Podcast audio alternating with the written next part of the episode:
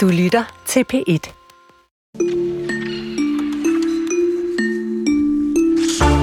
Danmark har fået et nyt trosamfund. Kirstens Korshær, der sværger til kirstendommen, og på deres hjemmeside står der blandt andet, jeg citerer, i den fundamentale kirstendom tror vi på, at der kun er én Gud, og Kirsten Birgit er hans eller hendes profet. Det skete, at Gud åbenbarede sig for Kirsten Birgit en dag, og hun brændte sine sommerdæk af og forkyndte, at Kirsten skulle skabe sin menighed Kirstens Kors her, i håbet om at fjerne alt det, der er dårligt i vores samfund. Hvad handler det her om? Handler det måske om koranlov? Ja, det tror jeg faktisk, det gør. Vi får besøg af en af bagmændene, satiriker, skuespiller, musiker med meget mere, Frederik Silius.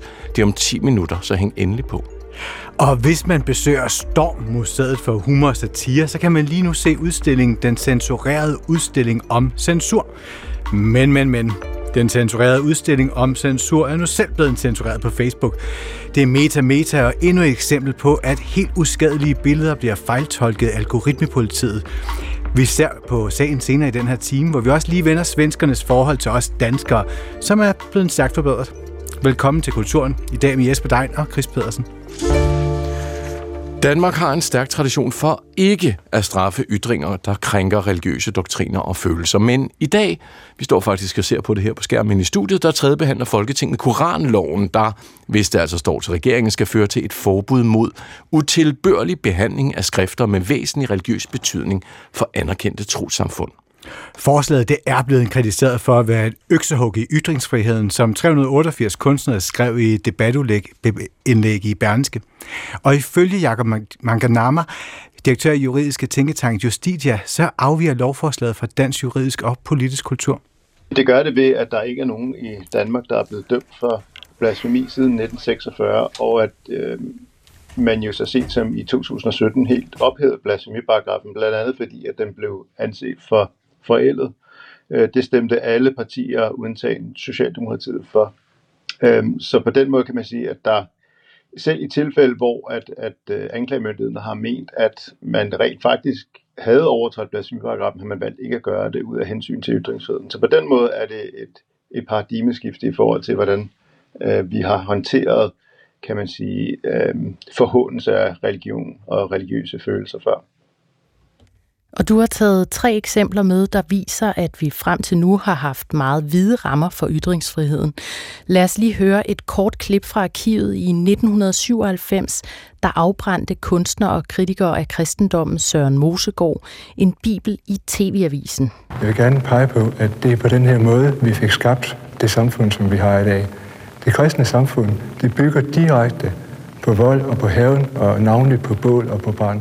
Han fortæller lidt her om, om årsagen til, at han afbrænder den her bibel, men hvorfor har du taget det her eksempel med?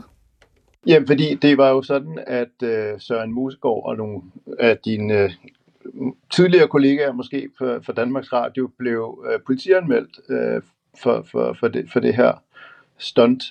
Øh, men der nåede øh, statsadvokaten efter at have forelagt for Rigsadvokaten frem til, at man ikke vil rejse tiltale, selvom Søren Musgaard altså futter Bibelen af i bedste sendetid på Danmarks Radio og kommer med nogle meget øh, forhåndende øh, udtalelser om, om, om kristendommen, øh, på samme måde som, som man kan sige, øh, islamkritikere øh, taler nedsættende om islam samtidig med, at de futter Koranen af, så nåede man altså frem til, at, at det, det var ikke øh, strafbart. Øhm, og så, så det er jo et godt eksempel på, at vi i det danske samfund tidligere har tolereret øh, den her slags ting, som man nu vil gå ud og øh, udtrykke og, og kriminalisere, og også at man har kunne håndtere det.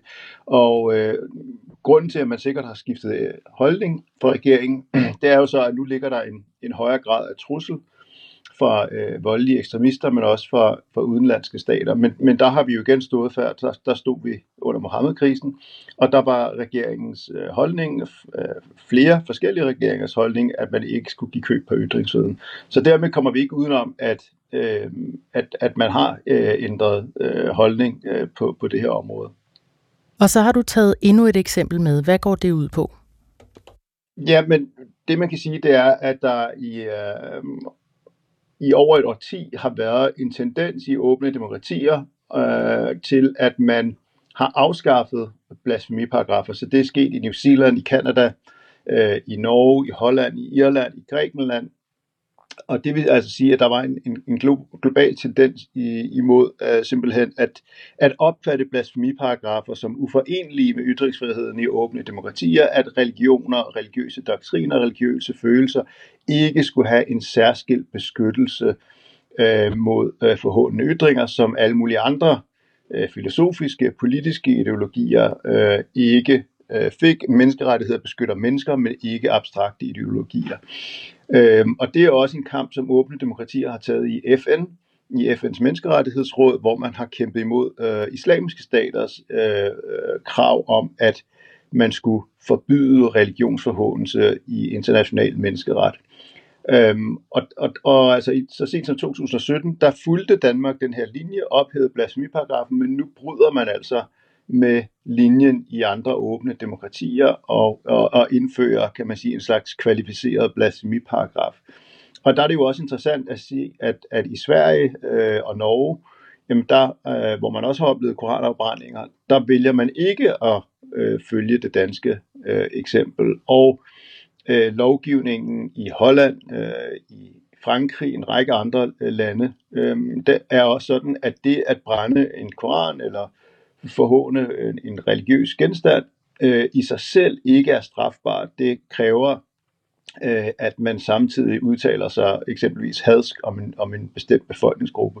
Og det er jo allerede strafbart i Danmark. Man, øh, hvis man stiller sig op og brænder Koranen, og samtidig udtaler sig stærkt forhåndende og nedværdigende om muslimer, så kan det være i strid med racismeparagrafen. Men så, så, så det er et andet eksempel på, at, at Danmark simpelthen bryder med den linje, som, som åbne demokratier har, har anlagt, øh, om at tilpasser sig en linje, som har er, er blevet fremsat af en række meget, meget autoritære undertrykkende stater. Og det tredje og sidste eksempel er Pussy Riots punk prayer mod Putin. I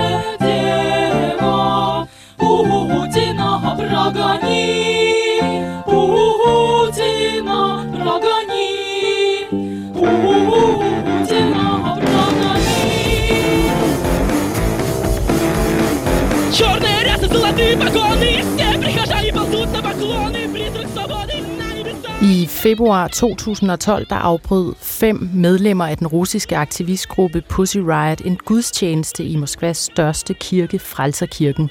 Fire af gruppens medlemmer løb op til alderet, hvor de sang og dansede og påbegyndte en punkbøn.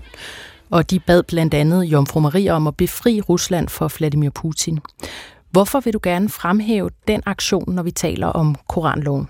Jamen, det er sådan et, et lidt mere teknisk, øh, kan man sige, spørgsmål, fordi øh, regeringen i sit lovforslag har sagt, at der ikke er nogen problemer i forhold til den europæiske menneskerettighedskonvention. Og på den ene side har regeringen øh, en god sag, fordi at, at menneskerettighedsdomstolen har i flere sager sagt, at staterne kan godt gå ind og begrænse ytringer, som er unødigt forhåndende over for øh, religion. Men i den her sag vedrørende øh, Pussy Riot, der blev de idømt fængselsstraffe, og der siger menneskerettighedsdomstolen, at øh, idømme folk fængselsstraf for ytringer, som ikke er trusler, øh, opfordringer til terrorisme eller hadstale, er øh, som udgangspunkt ikke proportionalt med ytringsfriheden. Og det har den også fundet i en række andre sager. Det har den også fundet i en spansk sag, hvor man en person risikerede fængselsstraf for at, øh, at afbrænde nogle billeder af den spanske kongefamilie. Og den har også lagt vægt på i sager om blasfemi, at, at øh, de folk, der blev dømt, ikke blev sendt i fængsel, kun fik milde bøder. Men i det danske lovforslag, der øh, lægges der op til, at man i gentagelsestilfælde risikerer at kunne komme i fængsel. Og der er det så, at, øh, at, at, at jeg påpeger, at det kan være øh, svært at forene med proportionalitetsprincippet i, øh, i den europæiske menneskerettighedskonvention, og der kan man godt øh, forestille sig en sag, hvor at det vil være i strid med menneskerettighedskonventionen at idømme folk en fængselsdom for øh, at øh, for utilbørlig behandling af en øh, religiøs genstand øh, som en bibel eller en koran. Og du har jo fremlagt de her eksempler ved en høring i retsudvalget. Hvilke reaktioner har du fået? Det er jo ikke sådan, desværre, at øh, jeg øh, har formået at, at overbevise alle dem, der, der tænker at, øh, at stemme for. Men en af de spørgsmål, som blev taget op, øh, drejede sig mere om øh, FN's konvention om borgerlige og politiske rettigheder, fordi i modsætning til den europæiske menneskerettighedskonvention, så har FN's menneskerettighedskomité klart og utvetydigt øh, udtalt, at blasfemiforbud er i strid med ytringsfriheden i FN's konvention om borgerlige politiske rettigheder, som Danmark har ratificeret. Øhm, men det står der ikke noget om i, øh, i lovbemærkningen. Den konvention nævnes ikke, og det diskuteres øh, ikke. Det er rent faktisk sådan, at Danmark for officielt hold har udtalt, øh, at, man, at man støtter den øh, fortolkning, øh, og at man er modstander. Man opfordrer til ophævelse af alle blasfemiparagrafer, fordi de misbruges.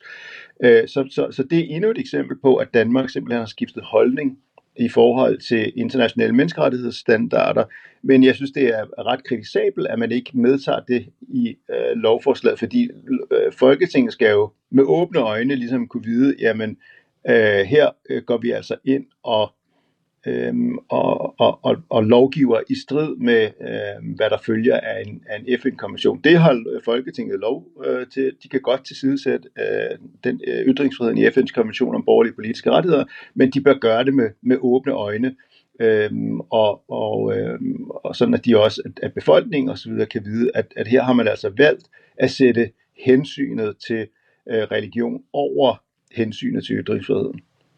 Op mod 400 kunstnere har jo netop kritiseret Koranloven for at være, citat, et øksehug i ytringsfriheden. Hvordan stiller Koranloven kunstnere fremadrettet? Jamen, der, der er jo, øh, det er jo et revideret lovforslag, og der har man jo prøvet øh, at komme med en række præciseringer, sådan at anvendelsesområdet bliver øh, mere snævert, og det vil sige en række af de kunstneriske aktiviteter, som tid i det første lovforslag øh, ret klart risikeret at blive omfattet nu, øh, ikke vil blive omfattet. Men der er jo stadig usikkerhed om, hvor grænsen går, og man kan sige sådan en mere aktivistisk øh, kunst, øh, som vi kender fra den dansk-iranske kunstner Firouz Basraf Khan, hvor man øh, øh, ødelægger øh, Koranen eksempelvis øh, som led i en politisk manifestation uden for en ambassade, kunne man godt forestille sig stadig vil være omfattet af det her, mens at øh, sådan et, et mere øh, et, et værk, der blev udstillet på et galleri, hvor at, øh, at, at folk øh, betalte for at komme ind, jamen det vil nok ikke være omfattet. Men, men der er stadig uklarhed, så det vil altså sige, øh, at kunstneriske aktiviteter risikerer stadig i et vist omfang at blive omfattet af det her. Og det sagde altså Jakob Chagama, direktør i den juridiske tænketank Justitia til Natasha Jarsi tidligere i dag. Det går skide godt. Oh. det er også lige meget. Det er lige meget. Det er snart jul, ikke? Vi fortsætter lidt i koranlovssporet her, mm. fordi øh, vi skal til øh, en af mine yndlinge, Birgit Schøtzgrads Hørsholm, er en fiktiv journalistkarakter. Senior-korrespondent er kendt for at være elsket af folket og frygtet inde på Christiansborg. Vi står jo også her i, i studiet og følger med i øh, den her koranlovsdebat. Øh, I 2019 der holdt hun nytårstale på DR. Lad os lige høre det kort klip for dem, de få, der ikke kender hende. Mit mål med denne nytårstale er, at også Danmarks Radio, ligesom Radio 24 blev det for få måneder siden, skal lukkes for at være blevet for farlig. Så du kan godt forberede dig, Martin Rossen, Danmarks skyggestatsminister, på at sende dine små politiserede embedsværkstentakler ind i næste års medieforlig og stikke det er økonomisk, for at være blevet for åbenmundet og kritiske. Og det burde ikke være så svært i det nuværende politiske klima, der består en del for små vælgerled fra Dansk Folkeparti og fem del neopopulistisk humorløs ondt i røven fra Socialdemokraterne tid. Hvis ikke Socialdemokraterne tid for den tale fjernet fra jordens overflade, så har den simpelthen ikke været god nok. Det burde jo ikke være så svært, for i afmagtens korridorer, der har de efterhånden samme tilgang til kunst, humor og kultur som Augusto Pinochet, der plager sig en betændt hemorrhide. nu har Kirsten Birgit oprettet en religion, og hvis man går ind på hjemmesiden kirstendommen.dk, så kan man læse følgende. Er du træt af dine medmennesker? Ikke er underlagt det, du tror på? Og er du også træt af, at de ikke er tvunget til at respektere og værne om det, du finder heldigt? Så er den fundamentale kirstendom løsningen for dig. Frederik Silius, skuespilleren bag den fiktive journalist Kirsten Birgit Schøtz-Krets Hørsholm. Velkommen. Tak. Hvorfor har du oprettet Kirstendommen? Jamen, øh, vi har oprettet Kirstendommen, fordi når der nu skal uddeles særhensyn og privilegier, så vil vi da ikke stå bagerst i køen. Prøv lige at uddybe det lidt mere, Frederik. Jo, men det handler jo om et, øh, et skisme i dansk lovgivning, hvor man øh, ønsker at tage særhensyn til øh, kritik af idéer, hvilket jeg synes er et... Øh, altså strengt taget en skandale i forhold til øh, den vestlige civilisations og kunsten i den vestlige civilisation, ikke, ikke mindst øh, tradition for ikonoklasteri, eller ikonoklasme. Mm. Og i de her timer, der ja, vi står og kigger på dig, Jarlov på skærmen, der bliver stemt om koranloven i Folketinget, så jeg kan jo høre, at kirstendommen er en kommentar til koranloven. Ja, selvfølgelig er det det. Og hvad forventer du så af den afstemning, som vi står her og kigger på? Jamen, øh, de øh, stemmer jo efter partilinjer, så vidt jeg kan forstå, så det regner med, at den går igennem. Og, og når det sker, så vil jeg våge den påstand, at øh, vi har været vidne til øh, måske det mest øh, stykke skandaløse lovgivning, øh, i hvert fald så lang tid, jeg kan huske. Jeg tror faktisk, den kommer til at toppe offentlighedslov. Mm. Og det siger jo ikke en hel del. Det siger en helt ja, det, ja, ja, men det gør det altså, fordi i mine øjne så drejer det her sig om, at øh, man har øh, indskrevet voldsmandens veto i dansk lovgivning. Øhm, når, øh, når en kunstner for eksempel øh, som Firouzeh Basraf Khan øh, måske påtænker endnu en gang at rive øh, Koranen med rette øh, i forhold til hendes historie i øh, teokratiet i Iran. På et rivejern, så øh, kan man øh, i efterforskningen, så vil jeg, jeg kan lige forstå på øh, Nina Bunde, øh, formand for Dommerforeningen og Dommerfuldmægtige, at man, i, man, man, man kan simpelthen undersøge øh, Basraf Khan på samme måde, man kan behandle hende på samme måde, som man behandlede Lars Finsen. Det vil sige? Med... Ja, det vil sige, at man med, med, med, med hjemmel i kapitel 12 i straffeloven, som åbenbart er indskrevet i det her lovforslag, så kan man altså øh, overvåge, øh, uden at det er offentligt, uden at øh, Basaf Khan vil være viden om det. Hendes hjem, man kan indføre, hvad det hedder, mikrofoner i hendes hjem, man kan aflytte hendes telefon, uden hun ved det. Man kan beskikke hende en advokat, uden hun ved det. Og i det øjeblik, hun så hiver en bog og et rivejern op, så kan man også anholde hende på stedet og isolationsfængsle hende i op til seks måneder mens man øh, undersøger øh, sagen til bunds. Hvilket jo er en måde, kan man sige, at indføre en paragraf, øh, som er øh, tiltænkt, ja, typisk øh, terrormistænkte, mm. øh, og så kan man øh, vende det på hovedet. Det er jo ikke fordi, at Basraf Khan har tænkt sig at skade landet. Det er jo ikke hende, der bedriver, der, der, der, der, der, der, der, der bringer rigets sikkerhed i fare. Det er jo dem, der ønsker at smadre Danmark, fordi hun gør det. Og det er i den, så har man simpelthen taget voldsmandens veto og vendt det mod øh, kunstnerne og indført det i dansk lov. Og det er i mine øjne skandaløst. Og nu taler vi jo om, om kunstnerne, der forstår man det meget ofte som altså, billedkunsten for eksempel, eller performancekunsten i, i tilfældet med Khan. Men, men som satiriker, hvad er så din bekymring?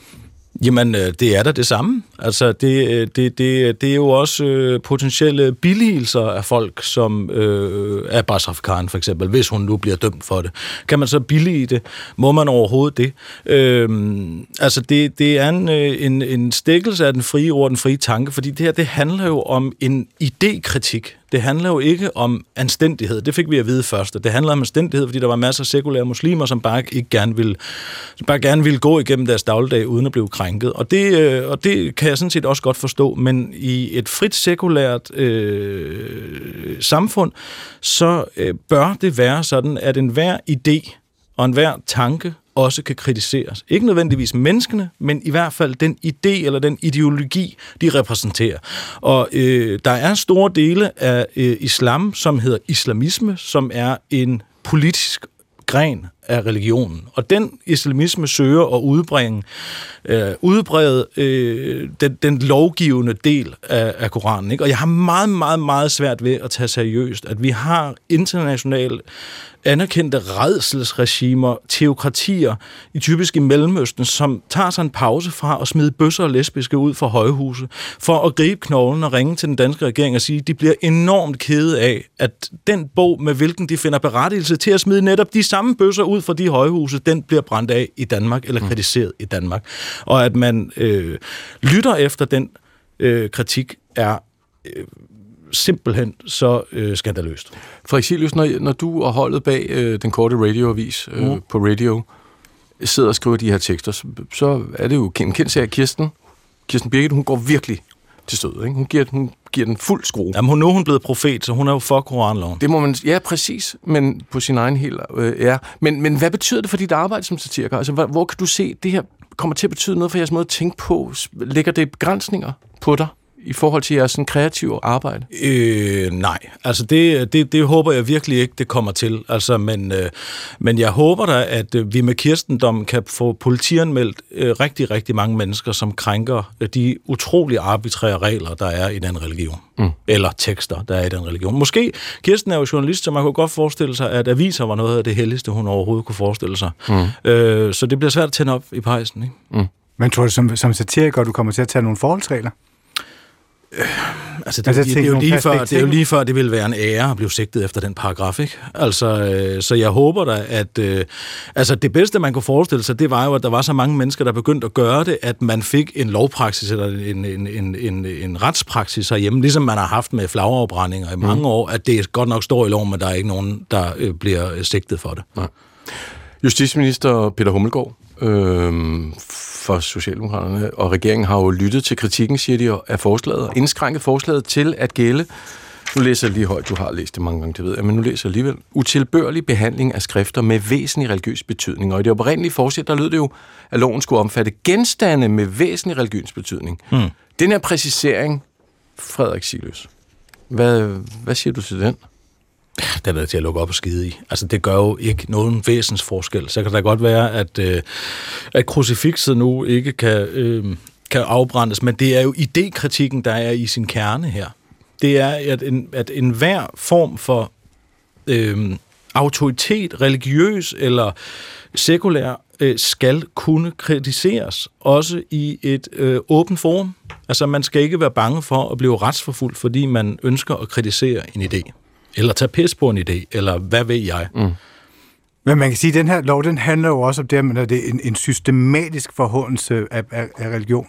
Ja, men det trænger religion, skal der også systematisk forhåndes og kritiseres og hånes og spottes og latterliggørelse. Det synes jeg da. Hvorfor systematisk? Ja, fordi at hvis, hvis vi ikke er på, øh, på tæerne med øh, vores idékritik konstant, så øh, risikerer vi jo at, øh, at, at blive blind for det. Og det, øh, det synes jeg ikke, man skal være. Altså, jeg synes da konstant, at folks øh, idéer, og særdeleshed de idéer, som folk ønsker at pådute andre, skal være øh, offer, eller offer, eller udsættes for kritik. Ja. Mm. Kirstendommen er jo helt ny. Nu må vi jo se, om den så også bliver anerkendt. Går Kirsten efter det, ved du det? Øh, ja, ja, det ved jeg. Det, det, det, det går vi da benhårdt efter. Altså, vi er flere medlemmer end sikkerne nu. Jeg tror, vi er lige ved at hale ind på jøderne. Okay. Fordi regeringen har jo altså præciseret beskrivelsen af trossamfund i det her forslag. Mm. Nu, nu lyder det jo altså, at det gælder trossamfund, som er registreret som ja. anerkendt. Ikke? Jo. Så, øh... Nå, så tror jeg ikke, der kan komme nye til. Skal det ikke bare jo. være anerkendte trossamfund? Jo. Det, jeg ved det ikke. Altså, dermed må man jo fortsat brænde kirstendommens religiøse skrifter af. Ja, ja, ja, men altså, vi, øh, vi, vi bliver så kede af det, at vi måske kommer til at slå nogen ihjel. Nej. det lyder meget... Nå jo, men altså, det, det, er jo det, der, det er jo det, det handler om. Altså, det her, det er jo sikkerhedspolitik. Ikke? Mm. Og det, er, øh, det, det, det handler om, at øh, principper de er gode at have, så længe de er gratis. Og det er det ikke at, at, at, at bedrive et, øh, et, et åbent samfund med en ytringsfrihed. Jeg synes også, det er enormt usolidarisk af Danmark, at vi øh, indfører den her lov i forhold til, at øh, vi er jo ikke det eneste land, som er under pres fra øh, religiøse fundamentalister. Og nu siger vi så, at det kan godt være, at vores øh, principper, de måske, ja, ved du hvad, det gør vi sgu, fordi så, så, så, så, øh, så køber vi os lidt sikkerhed her. Og det er i mine øjne som at pisse i bukserne, altså. Mm. Det, man kan holde varmen i en periode, men altså, jeg synes, det er usolidarisk over for Sverige og Norge og Holland og Frankrig, ikke mindst, som har lignende lovgivning med den danske, ikke? Jeg var inde og, og skrive mig op øh, som privatperson. Er du Kirsten? Øh, jeg er lige nu er. Nå, fedt hvis du skriver dig op, står der så til Kirstens kors her. Så har Gud sagt til Kirsten, at der vil vente dig tre til fire toptrænede og erfarne elskere, som du kan fornøje dig med og bolle lige så meget med, som du overhovedet vil i efterlivet. Og det kom altså direkte fra Gud. Mm. Citat slut. Ja. Altså ud af den her lovning på et mundret efterliv. Ja. Det glæder jeg mig virkelig meget til. Det kan jeg godt Hvad sker der så, når jeg skriver, eller nogen skriver så op til Kirstendom? Hvad er ideen med det? Jamen, ideen er at blive så mange, så vi bliver anerkendt, og sådan så vi kan øh, med vores øh, arbitrære, øh, hvad det hedder, fantasier om, hvad Gud har sagt, øh, kan diktere, hvad folk i et frit samfund må og kan gøre og sige. Hvor mange kræver det? Jamen, øh, jeg tror ikke, det kræver et bestemt antal for at blive et anerkendt trosamfund, men altså, vi er deroppe på en 4-5.000 medlemmer nu, ikke? Mm. Tak skal du have. Frederik Silius, skuespiller og satiriker bag den fiktive journalist Kirsten Birgit Schøtz-Krets Hørsholm.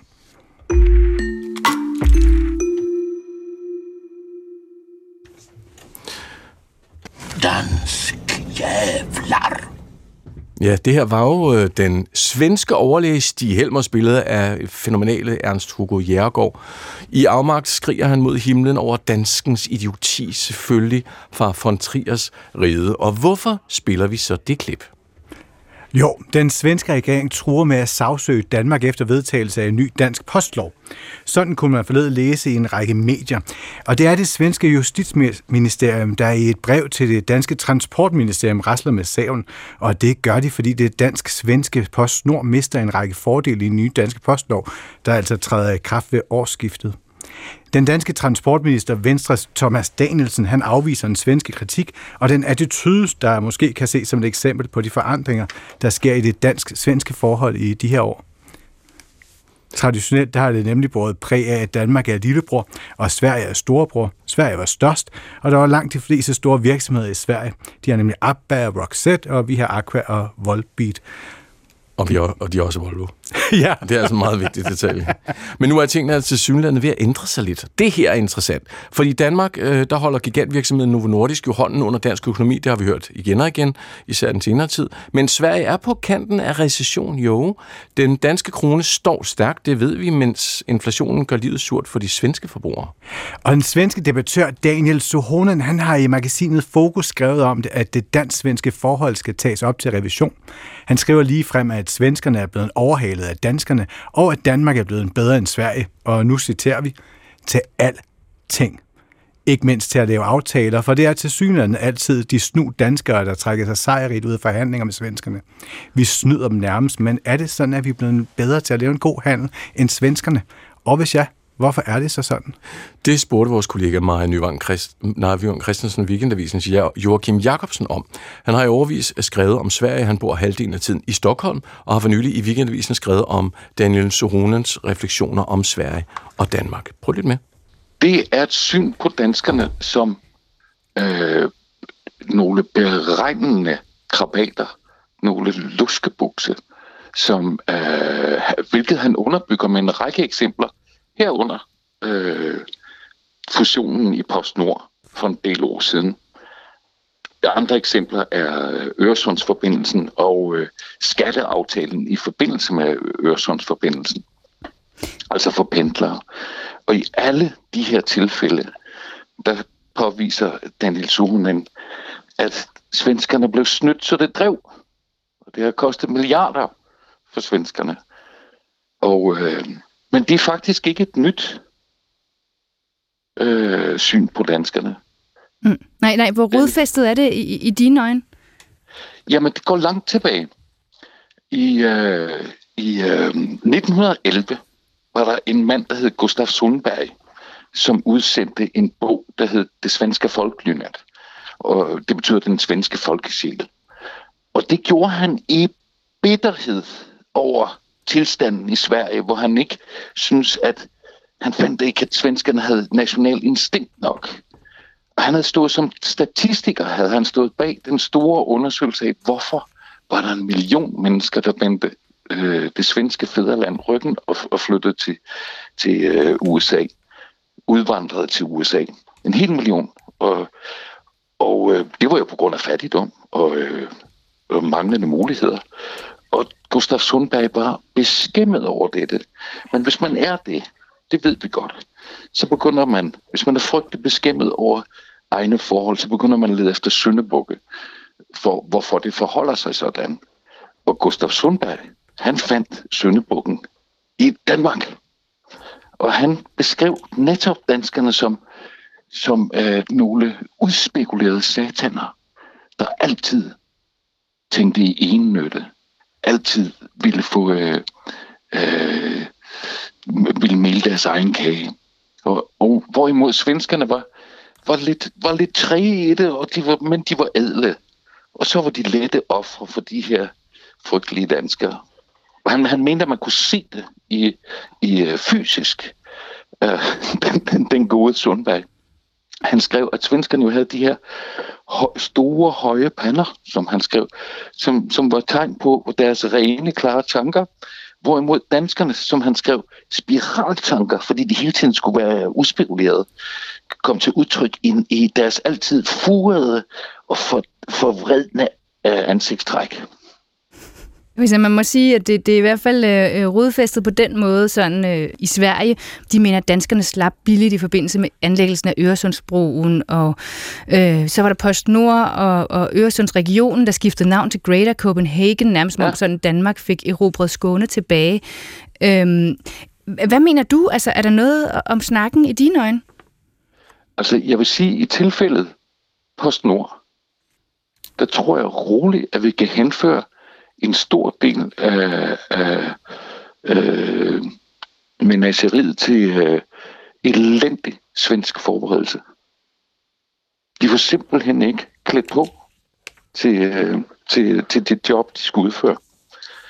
Øh, for senere blev de overrasket over, at der lå to tikkende bomber under det, øh, det danske postvæsen. Dels at vi skulle have digitale postkasser, dels at der var meget, meget generøse øh, fratrædelsesordninger i det danske postvæsen, som, som så skulle rationaliseres, når, det, når fusionen var gennemført. Men de to ting, fratrædelsesordningerne og de digitale postkasser, hvis man bare havde læst dansk avis, så ville man vide, at det var på vej. Og det opfattede man så som et noget, der blev øh, sådan holdt øh, bag ryggen. Øh, noget, der, der øh, blev skjult. Det, overhovedet ikke. Så det var meget dårligt forberedte folk, der kom fra svensk side. Mm. Så, så, så du mener faktisk mere, at det har noget at gøre med dårlig forberedelse? Altså, altså Daniel Suhonen skriver jo, for, altså, at der sker et kultursammenstød, når, når Danmark og Sverige skal lave, skal lave aftaler, altså at, at, at vi, det, er, som ja. vi også har snakket om, de her bundes, bundesnu krammertyper, og de er sådan lidt mere adelige industrimagnater. Ja, men samtidig er det også et, et, et, et uh, egalitært, meget konsensussøgende samfund øh, hvor man, øh, hvilket han peger på, Daniel Suhanen, at den svenske trang til, til, til god stemning i lokalet, øh, den kan forhindre gode resultater. Øh, hvor, hvorimod den, den, øh, den danske ligefremhed, og her, ja, den danske ligefremhed kan, kan kollidere med den her konsensustrang. Og, og, og så for, for, i danske øjne fører gode resultater med sig. Mm. Øh, jeg talte jeg talt personligt under, under fusionsarbejdet i sin tid øh, på Snor fusionen, talte jeg med, med en mand, som, øh, nu skal jeg ikke sige fra hvilken, øh, fra hvilket land han kom, men han, han havde selv baggrund i, i Bosnien, og han var ind, involveret i de her forhandlinger for enten Danmark eller Sverige. Og han kunne sidde og kigge på de her parter, danske og svenskere. Øh, og indimellem gik han derfra og rystede på hovedet, fordi det var to forskellige planeter, de befandt sig på. Som han sagde, svenskerne ville have en plan for alting ned i mindste detalje, hvorimod danskerne helt, øh, det var lige så håbløst. De ville ikke have en plan for noget som helst, fordi hvis man lagde planer, så skulle man alligevel øh, øh, kassere den, når, når, når noget use, øh, øh, uventet skete.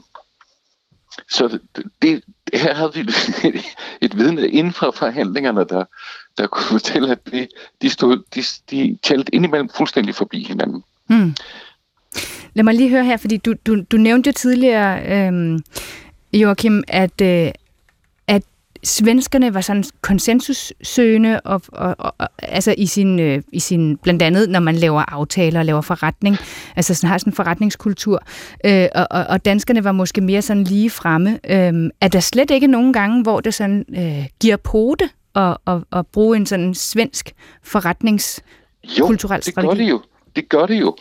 Og det er jo også sådan, det svenske samfund har fungeret så, så utrolig godt gennem mange årtier nemlig gennem det, der hedder samforstånd, at, at, øh, at samfundets store parter øh, sætter sig ved bordet og bliver enige om noget. Øh, det, det kan give øh, stabilitet og langt rækkende aftaler. Og man må også sige om den danske snuhed og den danske, det meget, det meget resultatorienterede. Øh, den meget resultatorienterede danske tilgang, kan jo føre til, at den modpart, som man skal have et godt forhold til øh, løbende, føler sig ført lidt bag lyset. Ikke? Mm. Der, kan være, der kan være fordele ved begge, ved begge dele, der kan være ulemper ved begge dele. Mm, og det, det er jo måske også det, man fornemmer lidt på, på Daniel Suhonen, at han, nu siger han i hvert fald, nu er Danmark blevet bedre end Sverige øh, til til alting, som han siger. Altså hvis nu de her nye svenske indsigter, eller den her debat, øh, giver, giver den anledning til en slags, en ny slags svensk tilgang til Danmark, altså måske at Danmark ikke længere bliver set som den der lidt søde lillebror, eller frække lillebror måske. Ja, det, men, men der har, det er fuldstændig rigtigt, at der har været i, i løbet af det her efterår, der har været temmelig mange artikler, som simpelthen har været fyldt med undren. Hvordan pokker gik det til? Øh, for det på punkt efter punkt, at, øh, at Danmark og Norge og Finland hævder sig i, i forhold til, øh, til Sverige. Det, det, der, det, der frem for alt er at tale om, det er, at, at der er mange ting, der går dårligt i Sverige. Øh, og, og, og, og, og de, de daler på, på alle mulige forskellige øh, i forskellige undersøgelser og oversigter. Øh, alt fra Stockholms placering på, på uh, The Economist liste over verdens bedste storbyer og så videre til uh, økonomiske oversigter. Uh, det, det, det, det, det, det er nok det, der foregår lige nu. Den dynamik, der er lige nu imellem de mellem lande, det er nok først og fremmest, at, at Sverige gør det dårligt. Mm. Og, og tror du, det giver anledning til sådan en ny, ny svensk tilgang til, til Danmark, eller et nyt syn på Danmark? Øh, en, en, øh, så noget, nu talte vi jo om, at i 1911 skrev Gustav Sundberg nogle ting, der nærmest går igen i Daniel Suhunens artikel. Så sådan nogle ting ligger ret fast. Når vi først har etableret nogle stereotyper om vores naboer, så, så er de sgu svære at rokke ved. Øh, det er det her med, øh, som, som, øh, som Sigmund Freud kaldte den, øh, den, li, den lille forskels narcissisme, så er vi nødt til at holde fast i dem. Fordi en mand fra Senegal eller en kvinde fra, fra øh, Surinam kan have svært ved at se forskel på svensker og danskere, men det kan vi godt selv. Og så gør vi meget ud af de her forskelle. Og, øh, og øh, indimellem gør vi også for meget ud af dem. Og det var altså Maja Nyvang, der havde talt med Weekendavisens Joachim Jacobsen. Vi nærmer os som bekendt årets afslutning, øhm, og det får jo flere og flere medier, og ikke mindst ordbøger, til at grænske og tænke og bestemme et årets ord, der opsummerer og beskriver det år, vi kommer fra. Øhm, det britiske forlag Oxford University Press har bestemt, at det engelske ord RIZ, R-I-Z-Z, er årets ord for 2023. RIZ. RIZ. RIZ er en uh, forkortelse, skal man sige det sådan, Chris? RIZ. RIZ, det er tror en, jeg. er en forkortelse for karisma, der stammer fra et interview, som øh, det amerikanske medie BuzzFeed lavede med skuespilleren Tom Holland tidligere på året. Og hvis man har Riz, Riz. som jeg nu kun vil sige på den måde, betyder det altså, at man har en helt særlig charme og tiltrækningskraft. Uh la la. Den engelske ordbog Collins Dictionary, den har til gengæld bestemt, at årets ord skal findes i teknologiens verden. Ordet det er nemlig AI, altså forkortelsen af Artificial Intelligence, som skal illustrere årets massiv fokus på en række værktøjer, der kan producere materiale af forskellige art. For eksempel ChatGPT ofte er nævnt. Og lidt i samme boldgade, der kan man finde ord, øh, kan det ord findes, som øh, den øh, amerikanske ordbog Merriam-Webster har bestemt er årets ord. De har kåret authentic eller autentisk som årets ord for 2023, og de refererer derfor til den her balance, som vi hele tiden har, og diskuterer, hvad der er fake news, hvad der er ægte, hvad er falsk i den verden, vi lever i i dag, hvor altså kunstig intelligens i den grad også fylder mere og mere. Og herhjemme, der bliver årets ord bestemt senere på den her uge, hvor det er i samarbejde med Dansk Sprogvævn på fredag korte det ord, der på bedst vis definerer 2023, og det foregår her på kanalen i Klog på Sprog fredag kl. 11. Hvis man øh, er i København og besøger Storm, som er museet for humor og satire, så kan man lige nu se udstillingen Den Censurerede Udstilling om censur. Men, men, men, den her censurerede udstilling, som vi også talte om, jeg tror det er tre ugers tid siden, øh, er nu selv blevet censureret på Facebook. Det er interessant, og det passer jo faktisk meget godt i udstillingsånd. Museet er blevet stoppet af Facebook af det, i at dele et billede i en kampagne for netop den her udstilling. Øh, og billedet, det står vi med her. Prøv at beskrive, Chris, hvad, hvad er det, vi ser? Jamen, det, det, det er bølgen, et bølgende hav. og så er der tre unge, meget, øh, meget sådan 70'er-agtige unge, nøgne mennesker. Det er to unge kvinder og en ung mand, og de har den der sådan Manglet 70 slanke, slanke Jamen, jeg tror, det er meget moderne i dag også at se sådan der ud. Jamen, der er man mere sådan noget yoga-agtigt, eller har nogle muskelmasse. Men de er nøgne, men de er jo ikke helt nøgne. Nej, fordi der er også nogle store æbler. Manden, han har et gigantisk æble lige der, hvor hans skridt er, og kvinderne, de har to små æbler der hvor, i stedet for deres bryster, og så et kæmpe stort æble ved deres underliv. Så alt er dækket til. Der er ikke fri ja. miau på det her billede, og det er sort-hvid billede, og æblerne er helt røde, så det er sådan meget wow i, lige i ansigtet. Og det er altså det billede, som øh, Storm, Museet for Humor og Satire, har lagt op, og som øh, Facebook nu har tænkt sig, nå, hmm, det skal ikke være sådan. Vi skal tale om censurering, og vi har fået besøg af en af personerne bag udstillingen. Han hedder Dennis Meyhoff Brink. Hej Dennis. Hej med dig. Satireforsker ved Københavns Universitet. Øhm, altså, hvorfor har de, har de givet en forklaring, Dennis, på, hvorfor de har sagt, det her billede, det er simpelthen for flæbet, det er for frægt?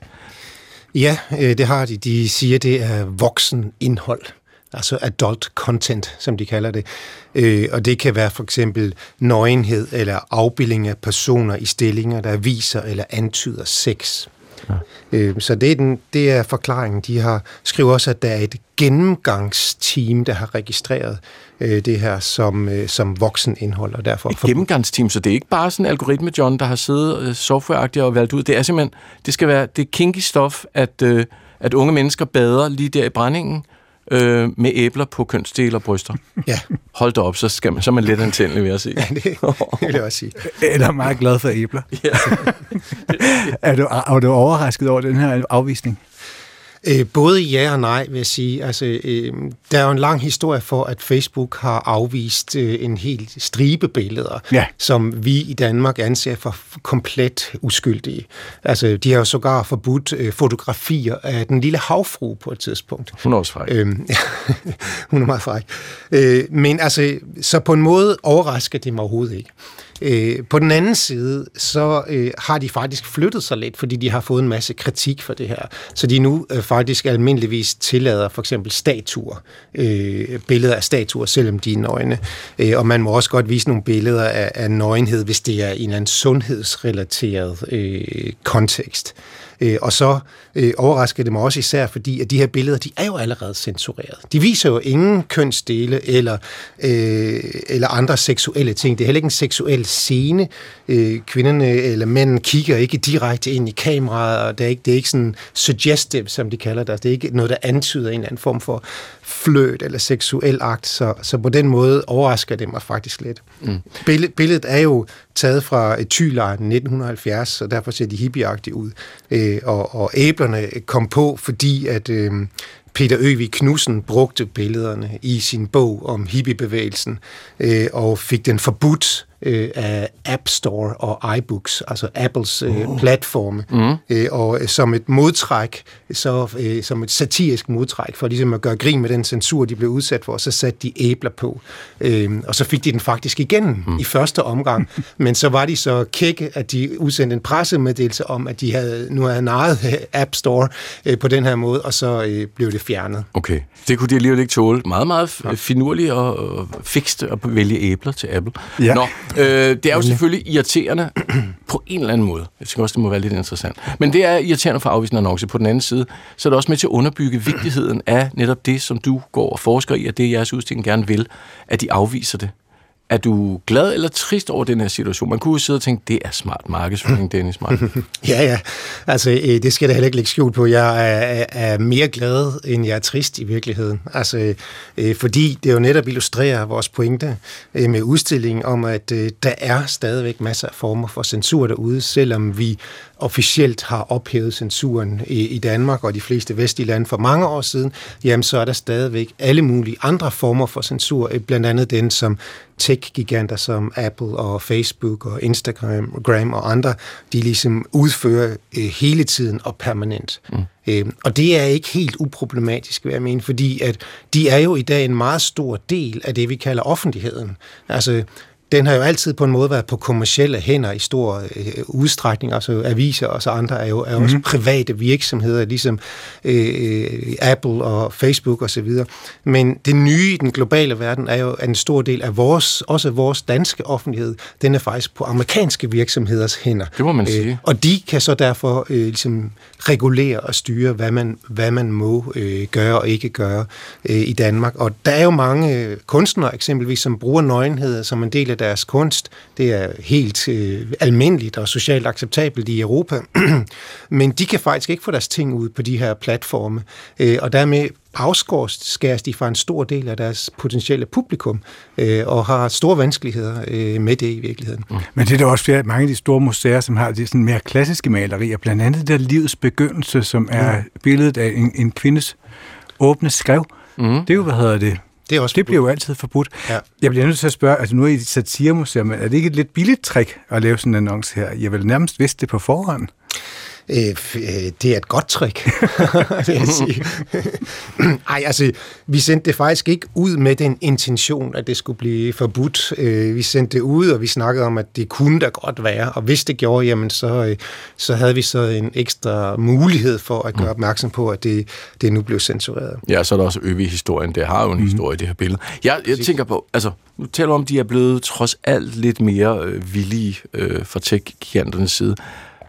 Men, men, men det her med, altså, hvad vidner det om for dig, at billedet så alligevel er blevet afvist? Fordi, altså, set fra min stol, uanset hvor mange teams, der har været inde og kigge på det her, så er det eddermame svært at finde noget, der bare er det mindste anstødeligt.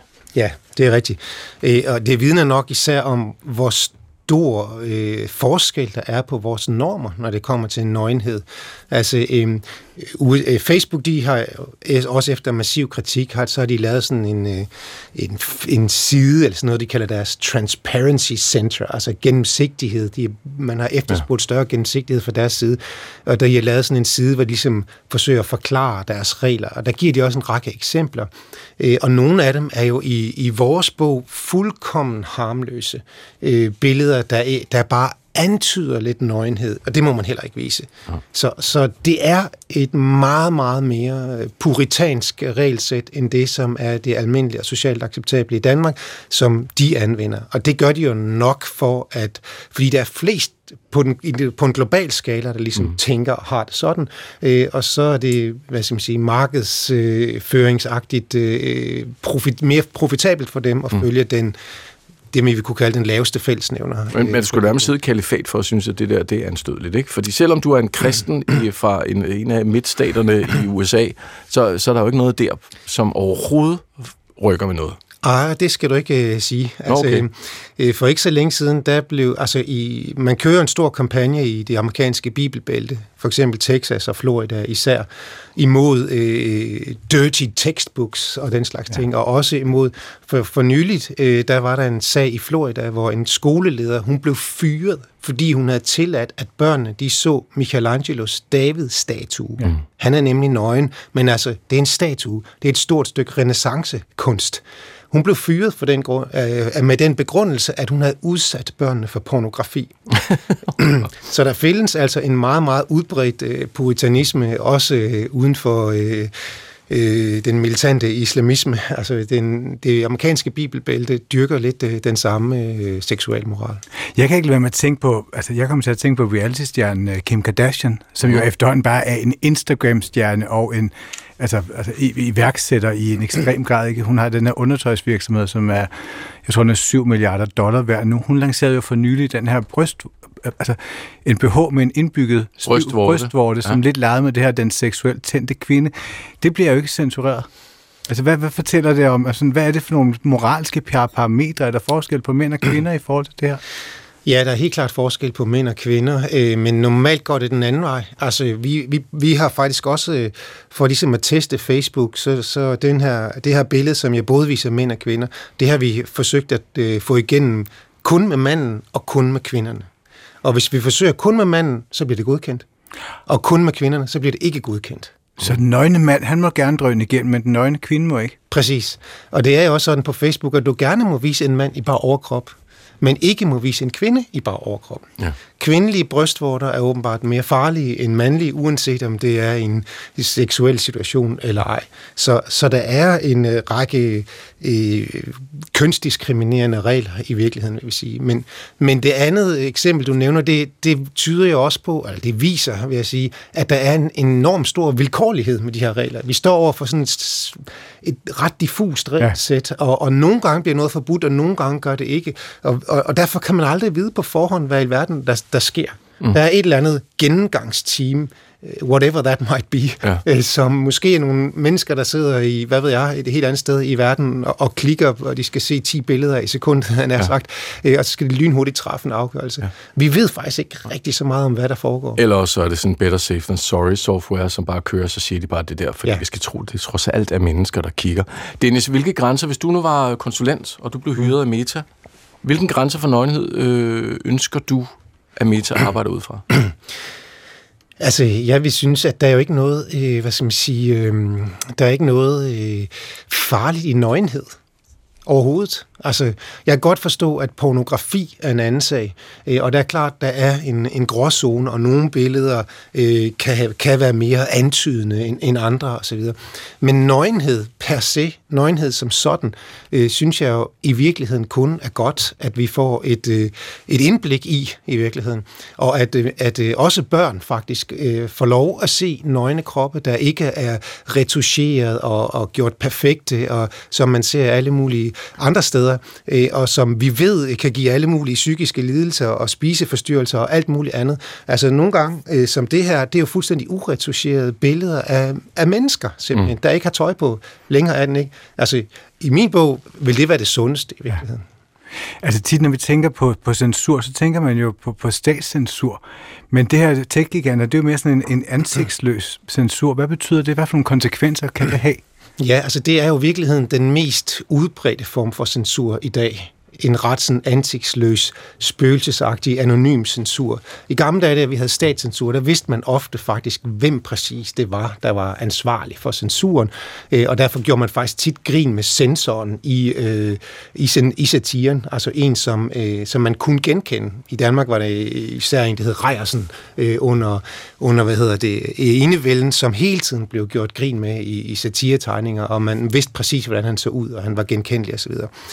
I dag så er det jo rigtig nok en meget mere ansigtsløs masse. Det er et gennemgangsteam derude, eller, eller det, er, det kan jo også være i alle mulige andre former, som vi ser, andre former for censur, som vi ser i dag. Eksempelvis har vi jo talt meget om selvcensur i forbindelse med terror, ikke sandt? Mm. Og, og man kender jo heller ikke terroristen på forhånd. Nej. Det er også en eller anden potentielt ansigtsløs person derude, som har sådan en spøgelsesagtig karakter, og som faktisk kan være endnu mere skræmmende, fordi man netop ikke kender og kan konkretisere den. Og ja, altså, det gælder jo faktisk også for jeres egen organisation her, DR, ikke? Altså, mm.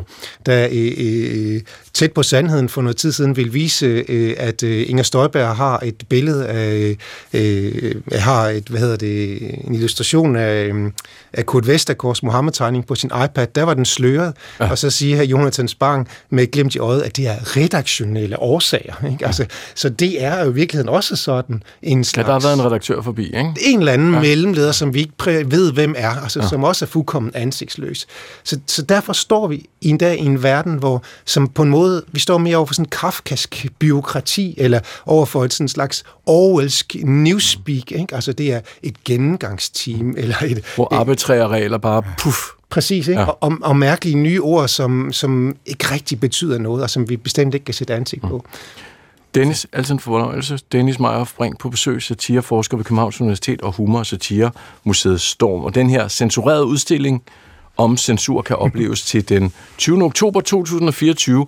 Der er god tid, du kan nå det hele, og det er altså på Storm Museet for Humor og Satire, og vi har selvfølgelig henvendt os til både Facebook og Meta, øh, for at finde ud af, hvorfor de har afvist Storms annonce. Øhm, og ja, de har ikke vendt tilbage med andet, det vi allerede har talt om. I øvrigt, vi talte jo om Koranloven i begyndelsen af timen her. Ja. Jeg kan fortælle dig, at den er vedtaget. Og der er meget mere i radioavisen. Det er der højst sandsynligt. Det tror jeg. Dennis, kom godt hjem. Jo, tak. Vi skal snakke julemusik, Chris. Yeah! All I want for Christmas is you. Mm. Det synger Mariah Carey i julehittet, der er toppet Billboards Hot 100 hitliste i december i svimlende fireårige træk, for uden at det altså har været et kæmpe hit i årvis. Men nu er den 54-årige sangfugl blevet vippet af pinden af den 78-årige Brenda Lee, det skriver Soundvenue. Den overraskende højdespringer øh, udgav Rocking Around the Christmas Tree tilbage i øh, 1958, men først nu har sangen så fået en officiel video, ligesom sangerinden har skabt opmærksomhed omkring nummeret på TikTok. Men altså udover en førsteplads på den amerikanske hitliste, så kan Lia altså også glæde sig over at være den ældste person nogensinde med et øh, nummer et hit på Hot 100-listen. En titel, der ellers tilhørte Louis Armstrong, der toppede listen som 62-årig i 1964 med Hello Dolly. Men altså 78 år, det er ingen alder for en hit mere, også selvom Brenda Lee selv takkes, har takket sine mange samarbejdspartnere. Jeg er glad for alle dem, der har arbejdet så hårdt på at få det til at ske, fordi alt ellers lige nu bevæger sig så voldsomt og hurtigt, fortæller hun til Billboard.com. Men lad os høre Brenda Lee her.